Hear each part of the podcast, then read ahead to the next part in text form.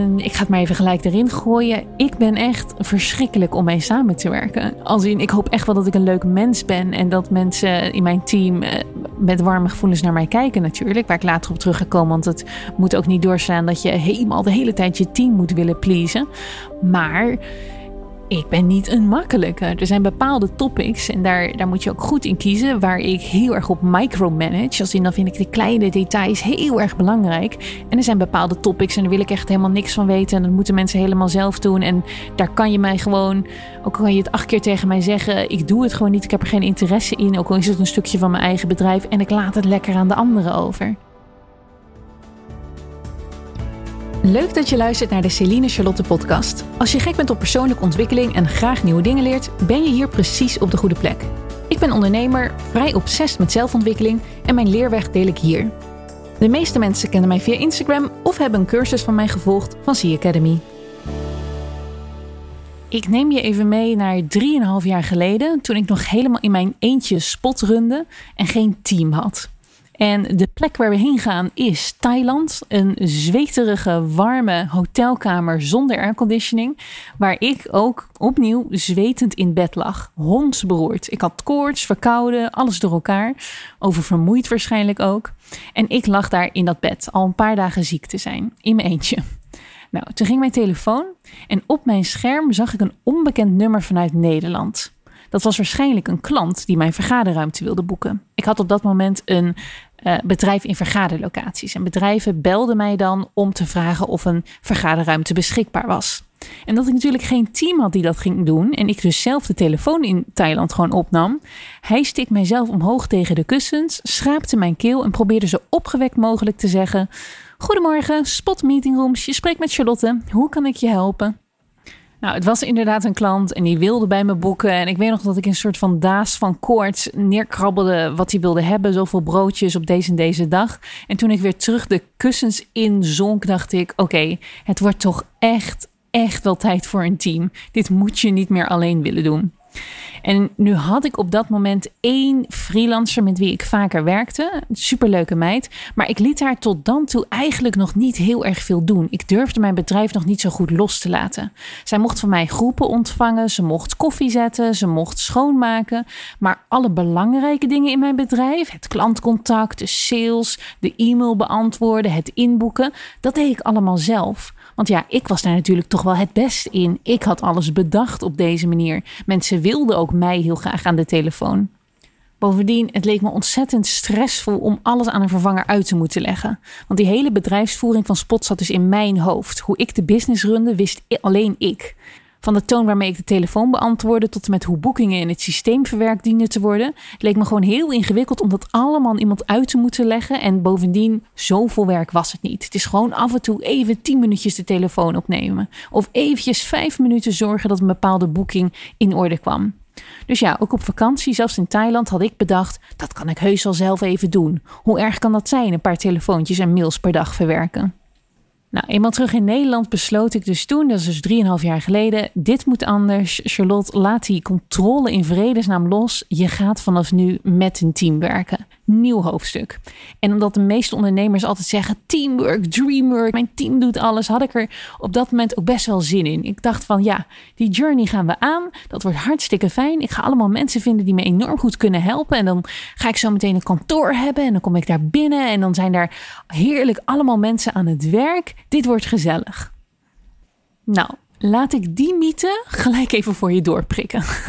Ik ken eigenlijk geen enkele ondernemer die met een team werken alleen maar puur een feestje vindt. Het is tot nu toe een van mijn grootste desillusies van ondernemerschap. Aan de buitenkant zie je heel erg vaak op Instagram van: oh, dit is helemaal geweldig en mijn team heeft dat gedaan en mijn team heeft dit gedaan. Maar ik weet van heel veel bevriende ondernemers dat werken met een team ook enorm zwaar kan zijn. Nou, en voor ik in deze podcast helemaal van wal ga steken over allerlei fouten die ik heb gemaakt met een team, wil ik heel even eerst definiëren wat ik nou met een team bedoel. Ik bedoel niet per se mensen die bij je in vaste dienst komen, dus die je een contract geeft, een jaarcontract of een vast contract. Ik bedoel ook gewoon de freelancers met wie je gaat werken. Dus jij moet misschien een nieuwe website maken of jij hebt besloten dat jij een virtual assistant, dat noem je VA, uh, bij, je, bij je wil hebben, dan zijn dat vaak gewoon freelancers. En dan spreek je dus ofwel een bedrag af voor de taak die wordt gedaan, of je spreekt een uurtarief af, maar je gaat een samenwerking aan met een freelancer die wat langere tijd voor jou aan het werk gaat. Dus toen ik 3,5 jaar geleden bedacht, nou, het is nu echt tijd om met een team te werken, stond ik zowel voor de meer organisatorische vraag van, oké, hoe ga ik mijn team of mijn bedrijf zo inrichten dat het klaar is voor een team en dat ik dus niet alles in mijn hoofd heb, maar dat zij daadwerkelijk verantwoordelijkheid voelen en pakken. En de hele praktische kant van en ga ik ze dan freelance of in vaste dienst bij mij betrekken? En hoeveel ga ik ze dan betalen? En welke uren gaan ze krijgen? Dus meer de hele praktische afspraken onderling. Ik had er nog helemaal niet door, wat ik nu wel door heb. Dat een heel groot ander belangrijk iets is dat ik heel erg aan mezelf zou gaan werken. En bij mijzelf ten rade ga van: hey, wie ben jij als baas? En wat moet je doen als baas? En welke skills en verantwoordelijkheden heb jij als baas? Ik zat toen nog vooral heel erg in het stukje: neem ik iemand freelance of in vaste dienst aan? En later pas snapte ik ook het organisatorische stukje. Maar daar gaan we het in de podcast allemaal over hebben. Ik heb mijn team toen in sneltreinvaart zitten opbouwen. Precies een jaar nadat ik zwetend in die kussens in Thailand lag. Um, kon je mij vinden op de gracht in Amsterdam. Ik had een groot mooi kantoorpand gehuurd. Als je mij langere tijd volgt, weet je dat misschien nog hoge mooie plafonds die versierd waren. Ramen die uitkeken op de gracht. Want ik dacht, ja, als ik een team heb, moeten ze ook wel een mooie plek hebben om te werken. Ik had een manager in vaste dienst genomen. Ik had opeens een personal assistant. Ik had een editor in vaste dienst genomen. Dus drie mensen in vaste dienst. Ik had een stagiaire erbij. En ik had 9 à 10 freelancers. Dus ik had, ik had uiteindelijk opeens de leiding over 15 mensen die allemaal onderdeel waren van mijn team.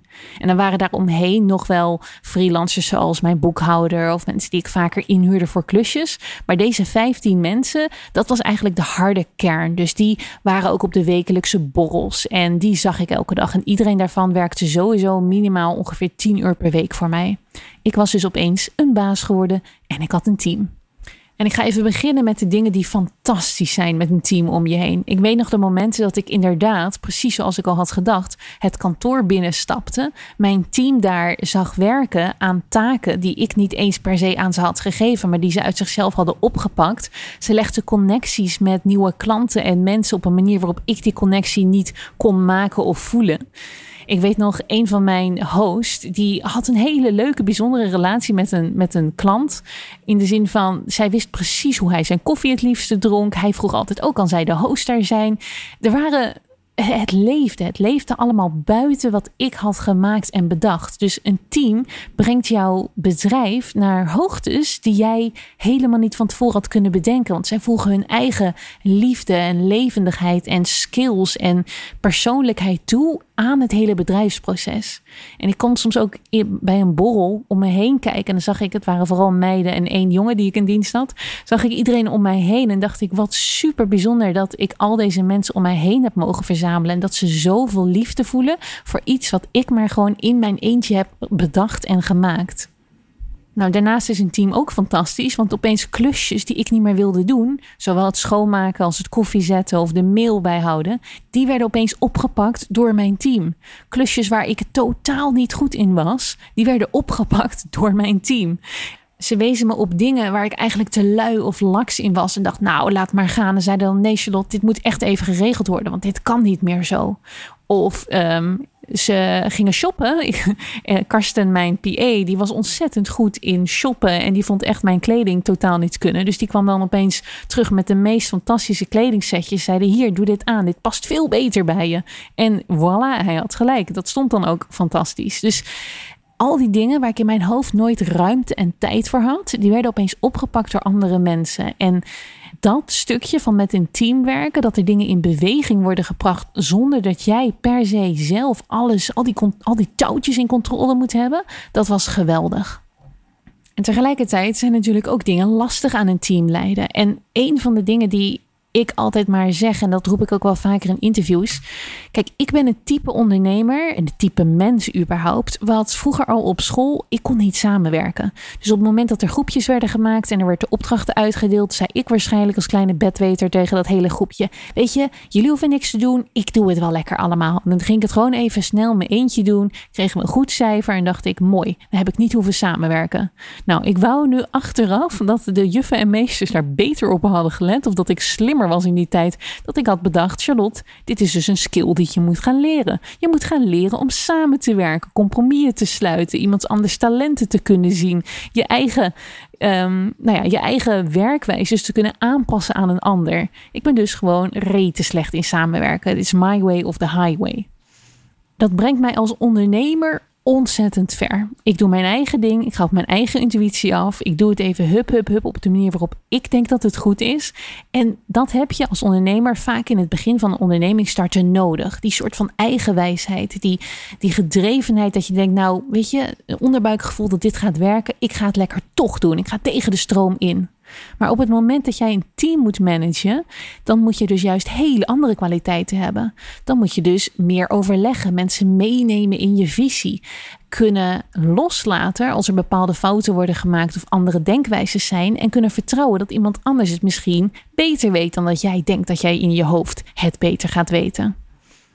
En nu is dit natuurlijk een beetje een persoonsgebonden visie erop hoor. Want er zijn ook mensen, en daar behoor ik dus niet toe, die zeggen samenwerken vind ik helemaal fantastisch. Ik kan juist heel goed samenwerken, juist met een team om mij heen zijn. Zorgt ervoor dat ik naar grote hoogtes ga. En ik vind het heerlijk om opeens heel erg veel te kunnen sparren met mijn team. En ik heb mijn team juist eigenlijk nodig om een hele goede ondernemer te zijn. En ik ben dus meer het type ondernemer dat echt helemaal aan het begin gewoon ontzettend veel moeite had om dingen los te laten en echt daadwerkelijk te kunnen zeggen van oké, dit is jullie verantwoordelijkheid, doe maar.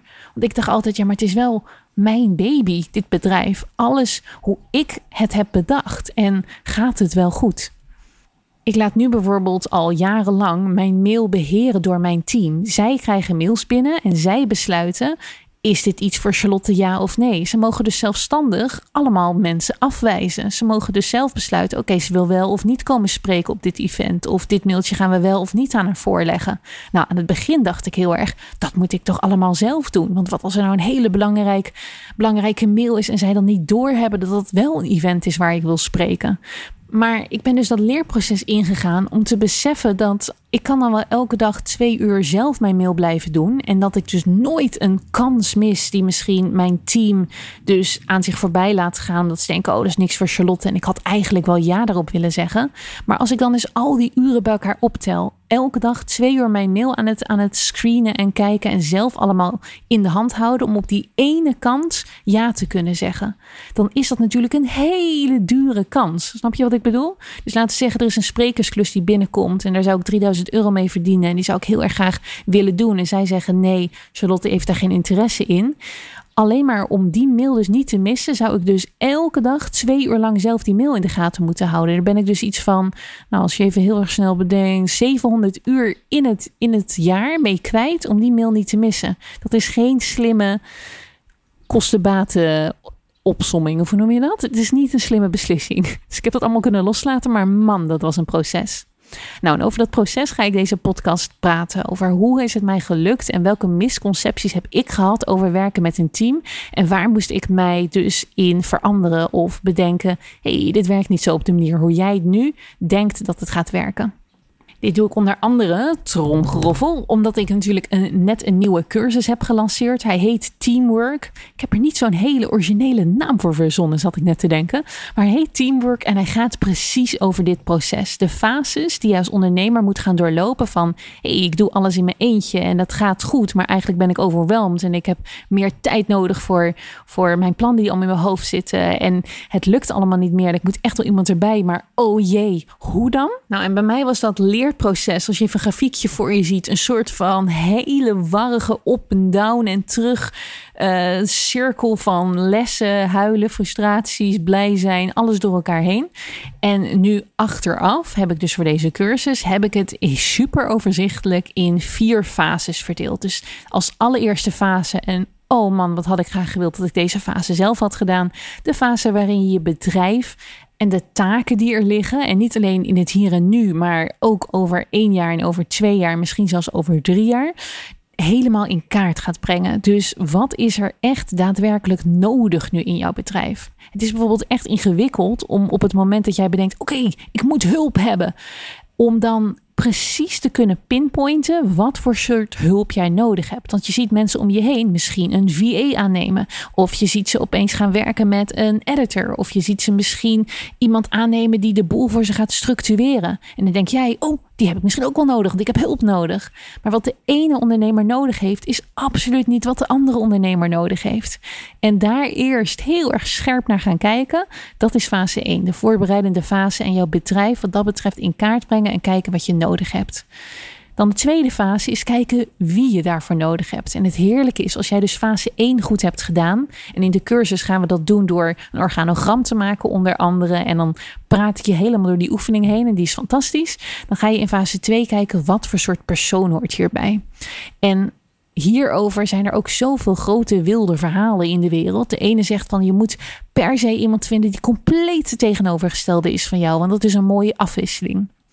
Dat is een van de dingen waar ik, toen ik dus nog helemaal niks wist van een team aannemen en uh, opzoeken, dus maar gewoon van uitging. Oké, ik heb iemand nodig die compleet anders is dan ik. En ik heb toen iemand aangenomen die inderdaad fantastisch en helemaal compleet anders was als ik. Ik ben een introvert, zij was een extravert. Alle dingen die ik fantastisch vond, vond zij stom. Alle dingen waar zij geweldig in was, kon ik absoluut niet.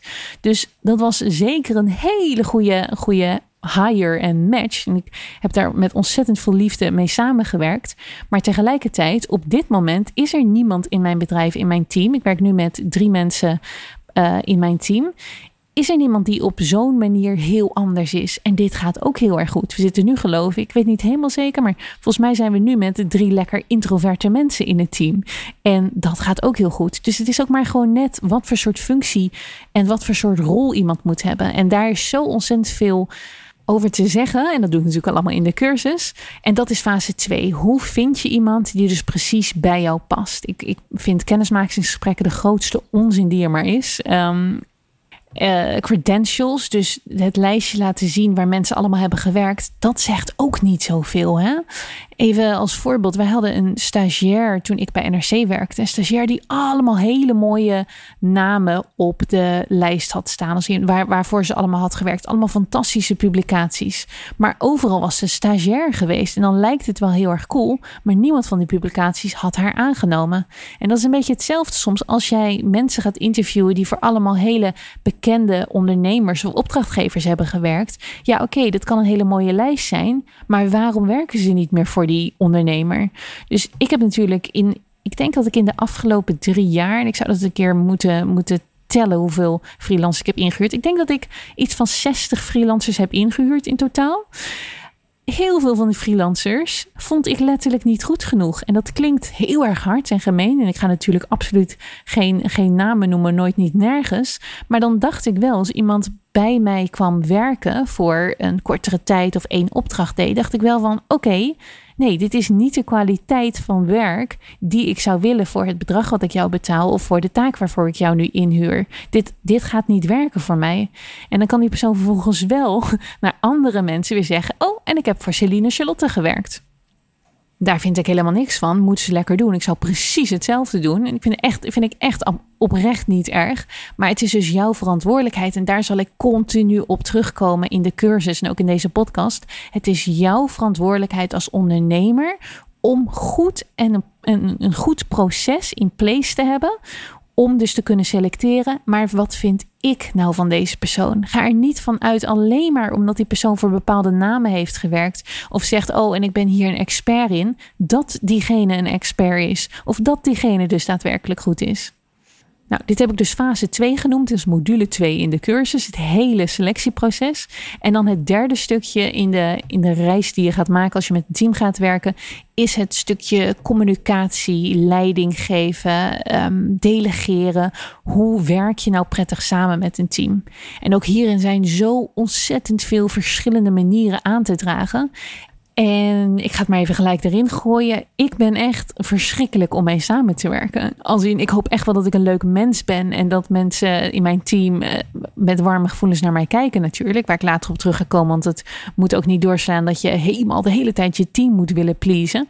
Maar ik ben niet een makkelijke. Er zijn bepaalde topics en daar, daar moet je ook goed in kiezen. Waar ik heel erg op micromanage. Als in dan vind ik de kleine details heel erg belangrijk. En er zijn bepaalde topics en daar wil ik echt helemaal niks van weten. En dat moeten mensen helemaal zelf doen. En daar kan je mij gewoon, ook kan je het acht keer tegen mij zeggen. Ik doe het gewoon niet. Ik heb er geen interesse in. Ook al is het een stukje van mijn eigen bedrijf. En ik laat het lekker aan de anderen over. En de manier waarop ik mijn bedrijf nu, C Academy, leid, is heel erg: ik doe mijn ding en mijn team holt een beetje achter mij aan. En dat is niet een manier die per se heel erg fijn voor iedereen werkt natuurlijk. Ja, voor mij werkt het fantastisch. Maar daar moet je als team wel mee om kunnen gaan. En nu heb ik dus een geweldig team en bepaalde regels gemaakt. En bepaalde manieren waarop het voor ons allemaal nu heel erg goed werkt. Maar ook zulke dingen, een leerproces. Kijk, ik denk in deze fase, en daar ga ik in de module ook heel erg op in, is het vooral heel erg belangrijk om zelfkennis te hebben. En dus de processen en de manier van samenwerken in jouw bedrijf met jouw team zo te buigen dat het voor jou werkt. En dat is het allermooiste van een ondernemer zijn en zelf kiezen met wie je samenwerkt. Werkt het voor die andere persoon niet op die manier, dan is er weer iemand anders voor wie het wel zo werkt. En de, de scarcity mindset, en daarmee bedoel ik de tekortdenken mindset, het te klein denken van oké, wacht, maar uh, mijn teamlid uh, Bob, die vindt dit een verschrikkelijke manier en die wil dat ik elke dag bijvoorbeeld een verslagje schrijf ervan, dan ga ik dat maar doen. Kijk, Bob zou bij mij gewoon doodongelukkig worden en ik zou doodongelukkig van Bob worden. En ik zou zeggen, Bob, liever dit gaan we niet meer doen. Jij gaat lekker ergens anders werken en ik ga iemand zoeken die niet zulke dingen van mij vraagt. Want dit is niet het soort ondernemer en persoon wat ik ben en dat ga ik ook niet worden, alleen maar om jou gelukkig te maken dat jij bij mij werkt. Nou, ben al helemaal aan het uitweiden en ik ben nog niet eens op de grote misconcepties die ik allemaal heb moeten leren. Maar de fase 4, de vierde module ook in de cursus, die gaat helemaal over de baas zijn en omgaan met het verschil in hiërarchie. Jij bent natuurlijk degene die uiteindelijk de beslissingen mag maken, die de facturen betaalt. Er zit een bepaalde machtsverhouding in een relatie als jij een team hebt. Nou, dit is ook gelijk het eerste punt van de lijst met misconcepties en leerpunten die ik heb geleerd in de afgelopen jaren. Je hoeft geen beste vriendinnen met je team te zijn. En het is oké als ze jou eventjes niet leuk vinden of boos op je zijn. En dit klinkt misschien als een soort van de moment. Maar er zit. Ik, ik vond het moeilijk en vreemd op het moment toen ik team om me heen ging verzamelen. En het waren allemaal fantastische, krachtige, leuke, spontane, geweldige meiden. Waar ik in het echte leven, als wij niet een werkrelatie zouden hebben, ook met gemak met allemaal vriendinnen zou kunnen zijn. Ze zijn veel om je heen. Je hebt ontzettend veel contact met ze. Het was een confusing situatie waar ik waar ik, ik gewoon nog nooit mee had gedeeld. Want ik heb natuurlijk collega's gehad. En daar kan ik op een hele makkelijke manier vriendinnen mee zijn. Maar als jij de baas bent, dan zit er een ongelijke machtsverhouding in er is eentje die besluit of de ander de uh, betaald krijgt die maand. Of dat de opdracht verder gaat. Er zijn misschien gesprekken over dingen die net niet helemaal lekker gaan. Ik heb mensen ontslagen. Ik heb mensen soms aan het huilen gemaakt. Ik heb ongetwijfeld bepaalde teamleden mij dat ze mij af en toe verwensten. Of naar hun mening onderbetaald. Of dat ze mij ergens een evil eye zaten te geven en ik dat helemaal niet eens door had. Maar het is een werkrelatie. En die kan warm zijn, die kan hartelijk zijn. En bij mij is het heel belangrijk als je in mijn team komt werken dat hij heel erg transparant is. Dus ik wil dus niet dat mensen met een soort van evil eye naar mij zitten te kijken en te denken, nou, de bitch, wat doet ze nu weer? En dit vind ik niet leuk. Dat moet naar, naar boven worden gebracht. En nu gelukkig is het team met wie ik uh, nu werk ook daar extreem direct en transparant in. Maar het impliceert, ik vind soms het, het moeizame, en dat, dat zie ik bij vriendinnetjes ondernemers ook wel eens gebeuren, dat zij hun team collega's noemen.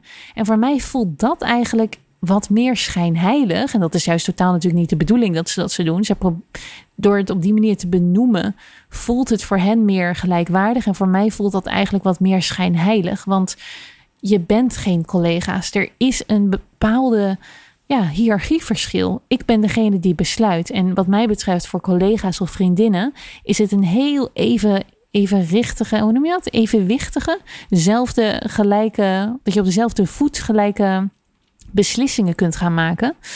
En dat is nou eenmaal niet zo in een werkrelatie. En dat daar, daar mijn rol in vinden en daar mijn weg in vinden. Dat voelde soms wel eens een beetje eenzaam. Dat voelde soms wel eens een beetje lastig. Dat ik dacht van, oh ja, nee ja, ik ben natuurlijk de baas.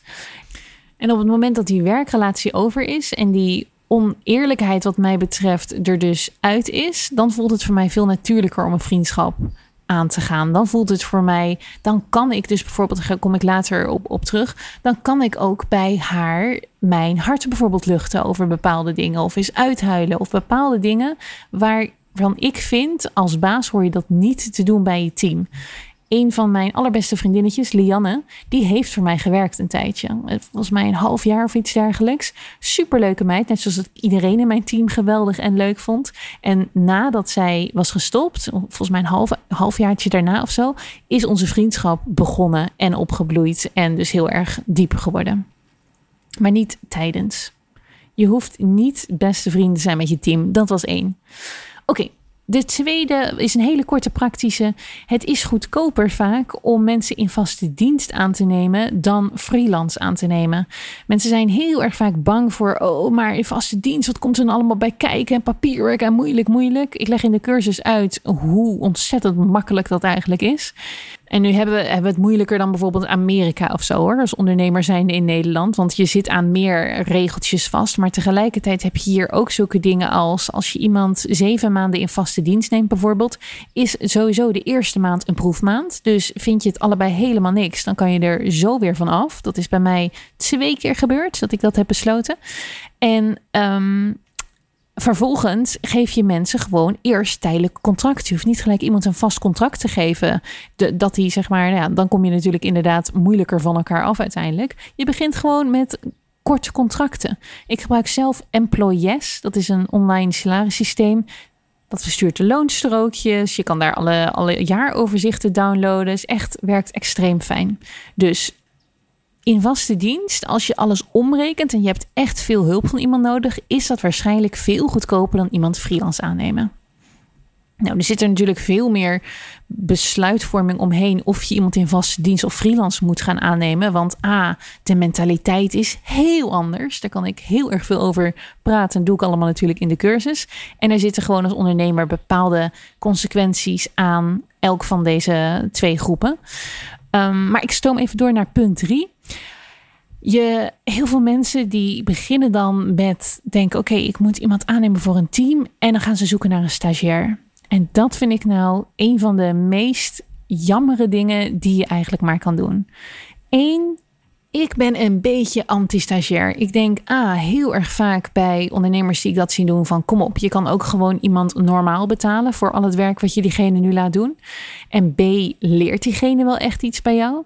Ik heb zelf twee keer, drie keer, ik heb drie stagiaires gehad. En mijn regel was sowieso, op het moment dat ik een stagiair aanneem, dat mag niet mijn eerste hire zijn. Dus ik had toen al met vaste freelancers, uh, een stuk of vijf, zes meiden met wie ik heel intensief werk. Dus ik heb nooit als eerste gedacht, ik moet een stagiair erbij. Ik had een manager aangenomen, een fulltimer. En toen heb ik ook een stagiair erbij genomen. Omdat ik dus ook een kantoor had genomen. Ik dacht, we gaan dit kantoorpand vullen. Stagiair is handig, iedereen heeft het erover. En ik ben heel blij geweest. Het was een superleuke meid, die stagiair. Maar een echt leerproces als ondernemer kan je niet aangaan met iemand die je 300 euro, volgens mij betaalde ik haar zoveel, 350 of zo, per maand betaalt. Je kan niet. Je hebt zelf namelijk veel minder skin in de game. Het voelt heel anders als je er iemand hebt zitten die 4000 euro per maand vraagt, dan iemand die je maar 300 euro betaalt. Plus, je kan gewoon niet heel veel verwachten van een stagiair, want die komt daar om te leren. Dus je, je bent jezelf eigenlijk uit een leerproces aan het cheaten, wat super belangrijk is om doorheen te gaan, om te kunnen groeien. En de frustraties die ik vaak hoor met mensen met stagiairs worden altijd opgevolgd met ja, maar ze is natuurlijk ook een stagiair, dus kan ze niet veel aan doen. denk ik ja, maar jij moet hier ook van deze situatie leren. Dus stop met die stagiairs en neem gewoon iemand aan, zodat jij dat leerproces ook echt aan kan gaan. Ik heb ook één stagiair gehad trouwens, als we het gaan hebben over de dingen die fout gaan. Die, die stopte bij mij na een maand of zo. Die vond het helemaal niks.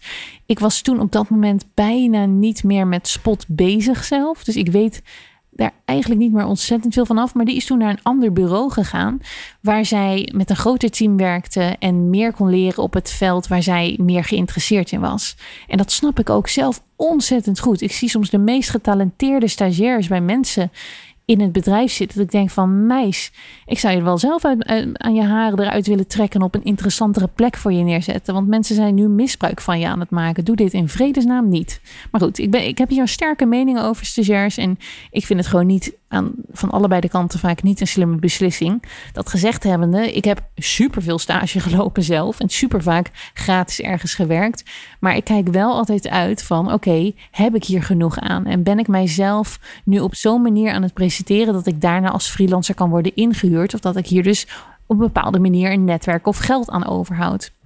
Dus ik zeg helemaal niet per se dat stage lopen slecht is hoor, want dat heb ik ook heel veel gedaan.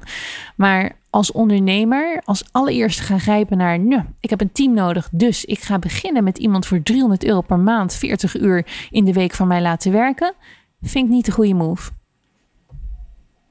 Een volgend interessant punt. Um, ik kan me nog herinneren op het moment dat ik naar Costa Rica vertrok. Volgens mij de derde keer of zo dat ik een maand weg zou gaan. En ik had op mijn stories gezet, een foto geplaatst. En daaronder stond een comment van iemand die het niet per se verkeerd bedoelde hoor. Daar, daarom zeg ik het nu niet. Maar van, ga je nu alweer op vakantie? Wat denkt je team daar wel niet van? En het was volgens mij echt uit echte interesse en niet een bepaalde sneer. Maar dit punt, het soort van schuldgevoel naar jouw team hebben, omdat jij vaker op vakantie gaat, waarschijnlijk veel meer verdient, hele hoge marges draait, terwijl zij waarschijnlijk tegen een bepaald vast tarief voor je werken. Dat was nogal een leerproces ook. Daar moest ik ook aan wennen en overheen. En dat is natuurlijk ook de reden dat ik die hele module daaroverheen heb gebouwd. Want ik zie dat ondernemers zichzelf hierin soms ook heel erg remmen. Dus dat ze zoiets hebben van: oké, nee, dit kan ik niet maken. Of oh, ik moet telkens laten zien dat ik heel hard werk. Kijk, ik denk dat ik van alle mensen in mijn team alsnog het hardste werk. ik hou gewoon zo ontzettend veel van ondernemen. Ik vind het zo ontzettend leuk om te werken. Dat ik echt ontzettend vaak aansta. En ik kan niet wachten om weer te beginnen met werken, et cetera, et cetera. Tegelijkertijd ben ik wel eens af en toe een hele maand nauwelijks met werken bezig. En weet ik en voel ik ook diep van binnen dat, als het, dat het ook helemaal oké zou zijn als ik nu zou zeggen: Nou, ik ga een jaar lang eigenlijk bijna niks doen. Ik kom alleen even af en toe een cursus draaien. Ik doe twee of drie live sessies in de maand en dat is het voor mij. Waarom is dat oké? Omdat ik zelf mag besluiten dat ik zo mijn leven wil inrichten. En de hele bundel van schuldgevoelens naar je team daarover, dat is helemaal niet jouw bundel om op te nemen.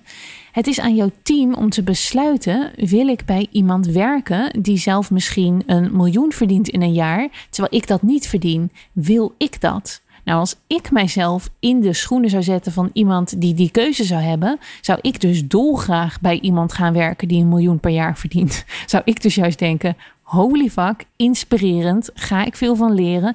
Ik wil bij het succesvolle team horen. Ik zou liever bij iemand werken die een miljoen per jaar verdient, dan bij iemand die 8000 euro per jaar verdient. Alleen maar omdat dan ik kan denken: oké, gelukkig, dan verdien ik meer of dan verdien ik hetzelfde. Of dat is in ieder geval niet zo'n groot gapend gat tussen onze twee inkomsten. En nu is hier nog veel meer over te zeggen hoor, maar jouw eigen manier van leven, jouw eigen manier van leiding geven en van de baas zijn, die moet vooraan staan en niet het pleasen van wat jij denkt dat jouw team eigenlijk misschien wel van jou zou willen. Mijn team zijn hier ook echt de grootste lievers ooit in. Die zeggen continu tegen mij: meer rust nemen, ga lekker dat doen, geniet er lekker van. Oh, heerlijk dat je weggaat, doe het lekker. Ehm, maar op het moment dat jij een teamlid hebt dat niet op die manier erin staat, nou ja, daar heb ik in de cursus natuurlijk allemaal tips over. Maar dat is uiteindelijk totaal niet jouw probleem. En ik snap alleen heel goed dat het wel als jouw probleem voelt. Want ook dit is weer opnieuw iets geks en iets raars wat je mee gaat maken op het moment dat je met een team gaat werken. Er is een verschil daarin. Jullie hebben een andere inkomsten waarschijnlijk en jullie hebben andere, um, andere vrijheid. Ik moest ook heel erg wennen toen ik bijvoorbeeld mijn allereerste mensen in vaste dienst nam, heb ik heel erg veel vrije dagen gegeven. Want ik keek naar dat papiertje met hoeveel vrije dagen iemand heeft die van 9 tot 5 in loondienst bij je zit. En ik dacht, dat meen je toch niet? Heeft iemand, wat was het nou, 24 dagen vrij in het jaar of zo? En ik kreeg helemaal benauwd paniekaanval. Dat ik dacht van, dat is toch superzielig? Ik vind het slavernij. Wat als je maar 24 dagen in het jaar vakantie hebt? Wat? En ik heb toen dus ook uit schuldgevoel veel meer dagen gegeven. Omdat ik dacht, ja, dat, dat, weet je dat kan toch niet? Nu met terugwerkende kracht, een van de lessen in de cursus is dus ook: laat het in het contract in vredesnaam gewoon op de normale dagen staan. En dat je dan in real life zegt van joh, neem lekker wat extra dagjes vandaag, uh, vandaag en morgen. Maar het contract, best een belangrijk papiertje. Best een belangrijk papiertje. Volgend iets waar veel mensen tegenaan lopen is de angst van wat als ik mensen nou niet aan het werk krijg. Dus dan wil je iemand in van zijn dienst, maar je bent bang dat er te weinig werk is. Nou, aan de ene kant is dat een kwestie van vertrouwen dat iemand die bij jou komt werken een verantwoordelijkheid ziet en ziet wat er gebeuren moet. En op het moment dat zij of hij dat niet ziet, dan moet jij dus daar de leiding in pakken dat zij dat wel gaat zien. En tegelijkertijd heb ik bijvoorbeeld in 2020 tegen mijn editor die bij mij in vaste dienst was gezegd: Meis, dit jaar er gaat gewoon even niet zo ontzettend veel gebeuren. Nu in 2021 heb ik twee nieuwe cursussen dus al eruit geknald. Dus was het echt even keihard werken voor haar. Maar in 2020 is er niet zoveel gebeurd. En tuurlijk blijf ik natuurlijk dat maandsalaris betalen. Maar de verstreken weken dat er gewoon echt nul werk was. Ik had er geen puff in. Ik had niks te doen. En dat was voor haar ook even wennen. Weet je, zeker dat ik niks kan doen. Ik voel me zo schuldig. Maar ik vond het heerlijk zo. En ik denk dat die grote druk van ik moet mensen 24-7 aan het werk hebben. Want ik betaal ze immers. Ook dat is een bepaalde rust vinden in jezelf. En daar heb ik ook een leerproces in moeten aangaan. Dat het niet per se nodig is dat je mensen 24-7 alleen maar werk zit te voeden of iets dergelijks. En dat soms ook gewoon lekker met z'n allen achteroverleunen en even helemaal niks doen. Net zo hard nodig is als dat het voor jou af en toe nodig is om even helemaal niks te doen. Dit gaat natuurlijk heel erg over je eigen intuïtie volgen, je eigen gevoel volgen, ook het ritme van je bedrijf volgen. En daarin is natuurlijk soms freelancers inhuren fijner dan iemand in vaste dienst. Je, je hebt als ondernemer cyclusie. Cyclus? Rondjes die je maakt. Laten we het zo noemen. Dus nou, rondjes is helemaal niet het goede woord. Je hebt ups en downs. Je hebt, hoe ik het noem, winterperiodes, lenteperiodes, zomerperiodes. De ene keer ben je heel productief. De andere keer heb je gewoon even drie maanden niet zoveel zin om aan je bedrijf te werken. Misschien duurt het soms wel een jaar bij je. Misschien duurt het soms een paar weken bij je. En het is niet zo dat op het moment dat jij een team om je heen verzamelt, dat iedereen maar altijd in de yes, yes, yes, we gaan periode moeten zitten, want jij betaalt ze. Nee, dan laat je die toch ook even af en toe lekker in de winterperiode meegenieten. En dan ga je misschien in de periode dat je weer wat meer zin hebt om aan jouw bedrijf te gaan werken, dan ga je daar processen voor verzinnen. Dan ga je denken: oké, nou, wat als ik dus zelf even niet in een yes, go, go, go modus zit?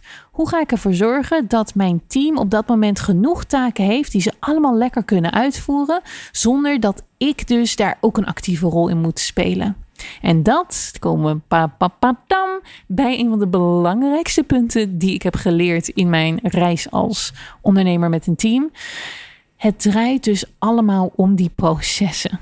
Op het moment dat jij processen in jouw bedrijf hebt, een soort van automatische ja, ik kan geen ander beter woord voor processen verzinnen. Processen in place hebt die ervoor zorgen dat dingen gestroomlijnd gaan. Dat dingen op dezelfde manier gaan.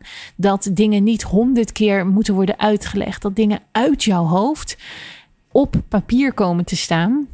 In de cursus eindig je module 3 met een draaiboek. Een draaiboek voor jouw team.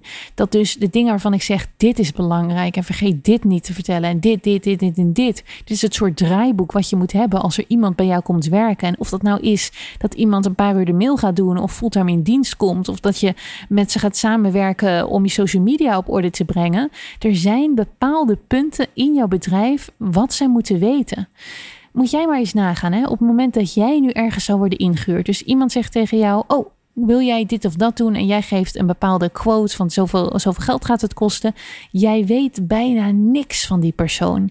En hoe ontzettend heerlijk zou het zijn als jij twee uur, drie uur in het hoofd van die persoon zou kunnen kijken en dan aan het werk kan gaan. En zo gaat het meestal niet. De meeste mensen die voor iemand anders aan het werk gaan, worden ingehuurd of bij iemand in een team komen, die komen erna ongeveer een half jaar of een jaar samenwerken achter wat voor soort persoon het nou eigenlijk is. En hoe ze dingen gedaan willen hebben. En wat wel goed werkt en wat niet goed werkt. En wat, hoe kan dat nou? Dat kan omdat die ondernemer waarschijnlijk zelf ook niet precies door had hoe die het nou wilde. En wat nou goed werkte en hoe die in elkaar steekt. En dat is het cruciale van je bedrijf voorbereiden en dat draaiboek maken. Dat jij zelf eens gewoon de rust neemt om te denken: ja, wacht eens, op deze manier wil ik het hebben in mijn bedrijf. En dat moet je kunnen hebben en weten voor je het allemaal gaat uitbesteden aan je team. De, de misvatting van oké, mijn bedrijf is een zooitje, ik weet allemaal niet hoe het werkt. Yes, ik huur iemand, iemand in, kom en fix mijn problemen. Man, dan krijg je veel meer problemen. Ik bedoel, ik heb het gedaan, ik heb er al die fouten gemaakt. Maar op het moment dat ik dat doe, komt er dus iemand die gaat het probleem vanuit zijn of haar visie benaderen, met zijn of haar oplossing komen, die misschien totaal niet bij mij past, of waar ik zelf, als ik er gewoon zelf de tijd over had genomen over na te denken, een veel slimme oplossing voor had gevonden. En die gaat dan dat voor jou op die manier oplossen. Er zijn verschillende problemen mee. Het eerste grote probleem: gaat die persoon weg? Zit je weer met een zooi? Is het weer opnieuw een structuur die in iemands hoofd heeft gezeten? Als die persoon het niet allemaal daarna heel duidelijk en goed in proces heeft gestopt.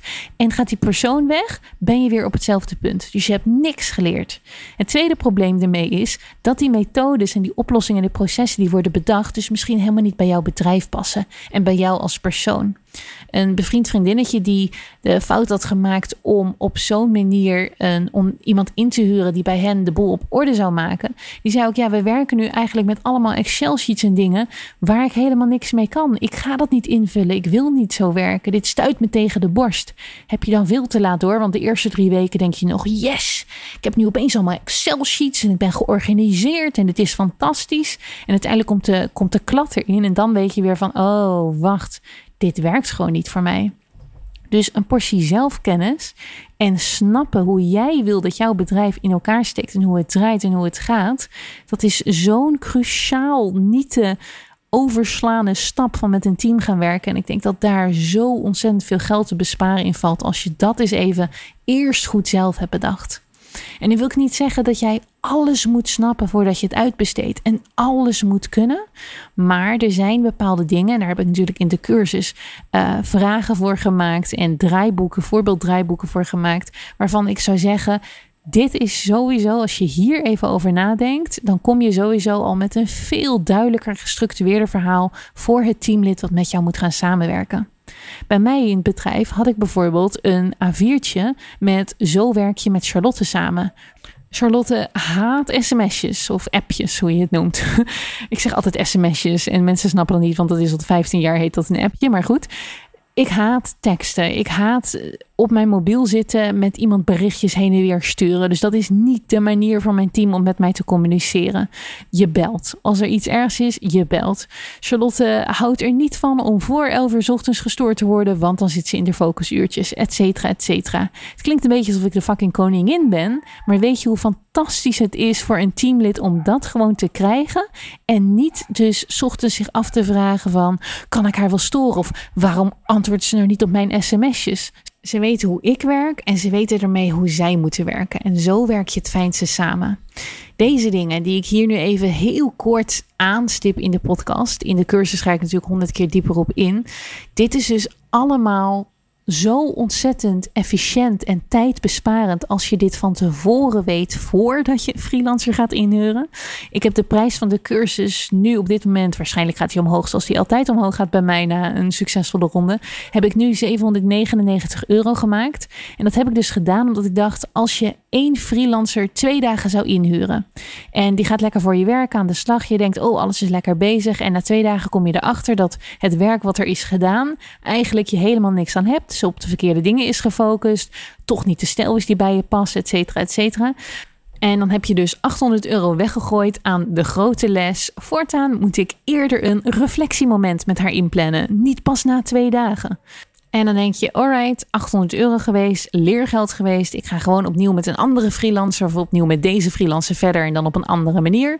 En twee dagen later kom je weer op een leerpunt. Dat je denkt, oké, voor de volgende keer weet ik dat te laat komen bij het allereerste keer dat iemand komt werken een rode vlag is, omdat iemand dan voortaan altijd te laat komt. Je kunt mensen niet zo makkelijk veranderen. En bij de allereerste belangrijke afspraak te laat komen, betekent dat iemand gewoon wat dat betreft niet punctueel genoeg is. Ik heb iemand op staande voet ontslagen nadat ze bij de allereerste meeting, uh, of bij de allereerste keer dat ze kwam werken als host, vijf minuten te laat kwam. Die kon onmiddellijk weer vertrekken, omdat ik de ervaring had dat met eerdere hosts, dat als iemand dus één keer te laat komt bij zo eentje, dat die vaker te laat gaat komen. En zeker op het moment dat er helemaal geen excuses was om, en niet iets, ja, niet, niet een belangrijke reden dat iemand te laat was natuurlijk. Ik ben ook weer niet zo'n bitch. Maar dat zijn van die lessen die je dus leert en leert en leert en honderd keer je neus stoot. En dat elke keer maar wegschrijft, oké, leergeld als met personeel. En ik zeg niet dat als je mijn cursus hebt gedaan, dat je nooit meer leergeld gaat betalen. Want natuurlijk ga je leergeld betalen. En natuurlijk ga je experimenteren. Ik denk alleen wel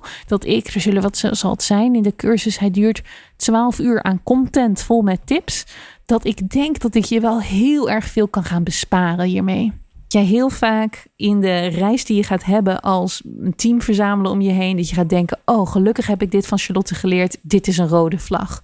En niet per se trouwens dat mijn rode vlaggen jouw rode vlaggen zijn. Hè? Ik laat je in de cursus anderen een lijst maken met rode vlaggen voor um, toekomstig personeel, dat jij dus zelf hebt nagedacht en besloten van tevoren: nee, oké, dat werkt niet. Bij mij, en dit is ook een hele belangrijke voor de cultuur goed houden.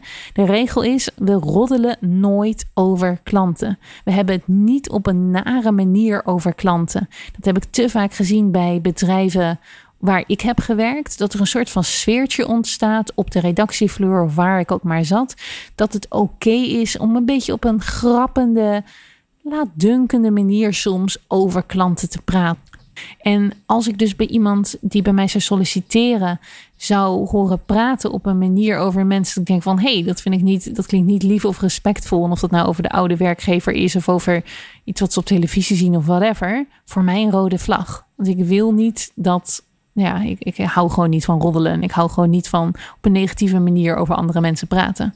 Ik heb een keer een sollicitant die uh, vertrok. We hadden een oké gesprek gehad. Het was niet per se gelijk helemaal fantastisch. Maar bij het vertrekken was er even een kort moment waarop een. Het was een televisieserie, geloof ik, waar het over ging.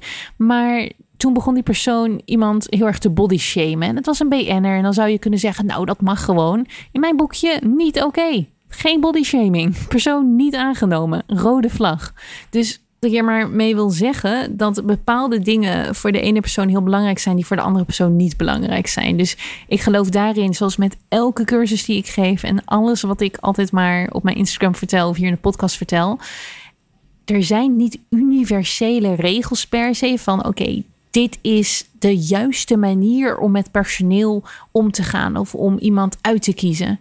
En wat ik alleen heel erg probeer te doen is zeggen: dit zijn mijn grote lessen geweest. Dit zijn mijn valkuilen geweest. Zo heb ik erover nagedacht. Zo ben ik er overheen gekomen. En deze processen heb ik allemaal in, in plek gezet om er overheen te komen. Hoe zou jij dit inrichten? Wat zouden jouw valkuilen kunnen zijn? Wat zouden jouw processen kunnen zijn? Hoe zou jij deze situatie aanpakken als je ziet dat ik hem op deze manier heb opgelost? Dus ik probeer niet een soort van dictator te zijn van Charlotte's manier van leiding geven. Want oh, daar heb ik ook zo ontzettend veel nog in te leren. Is de juiste. Maar ik probeer te laten te, te mee te nemen in mijn hoofd met oké, zo heb ik bepaalde dingen opgelost en dit is de manier van werken die bij mij past. Nou, ik ga met deze woorden de podcast afsluiten. Ik hoop dat je misschien wel helemaal geïnspireerd bent. Dat je denkt: oké, yes, ik heb hier zin aan om aan te gaan werken. Dit allemaal op een rijtje te zetten. Een visie uh, te krijgen en een vacature te plaatsen. Want dat is het leuke van deze cursus. Ik heb hem zo opgezet. In twee weken heb je dus aan het eind van de twee weken. Heb je één, een draaiboek voor je nieuwe teamlid. Twee, een kant-en-klare vacature. En een vacature, daar kan ik heel veel dingen over zeggen. Voor een deel vind ik het enorm ouderwets. Maar ik geloof dat je vacature ook heel erg voor jezelf schrijft. Dus dat je zelf heel helder hebt wat je nou precies zoekt.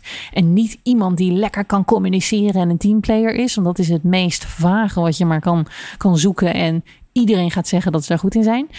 Um, maar die vacature, die plaats je ook daadwerkelijk. Dus over twee weken, na, na twee weken van de cursus, cursus afgerond, dan hoop ik dus ook heel erg dat je de vacature hebt geplaatst en gewoon drie potentiële kandidaten hebt. Het lekkere aan mijn cursussen, en ik weet natuurlijk nog niet hoe deze cursus deze ronde gaat verlopen, maar vaak doen er een paar honderd mensen aan mee.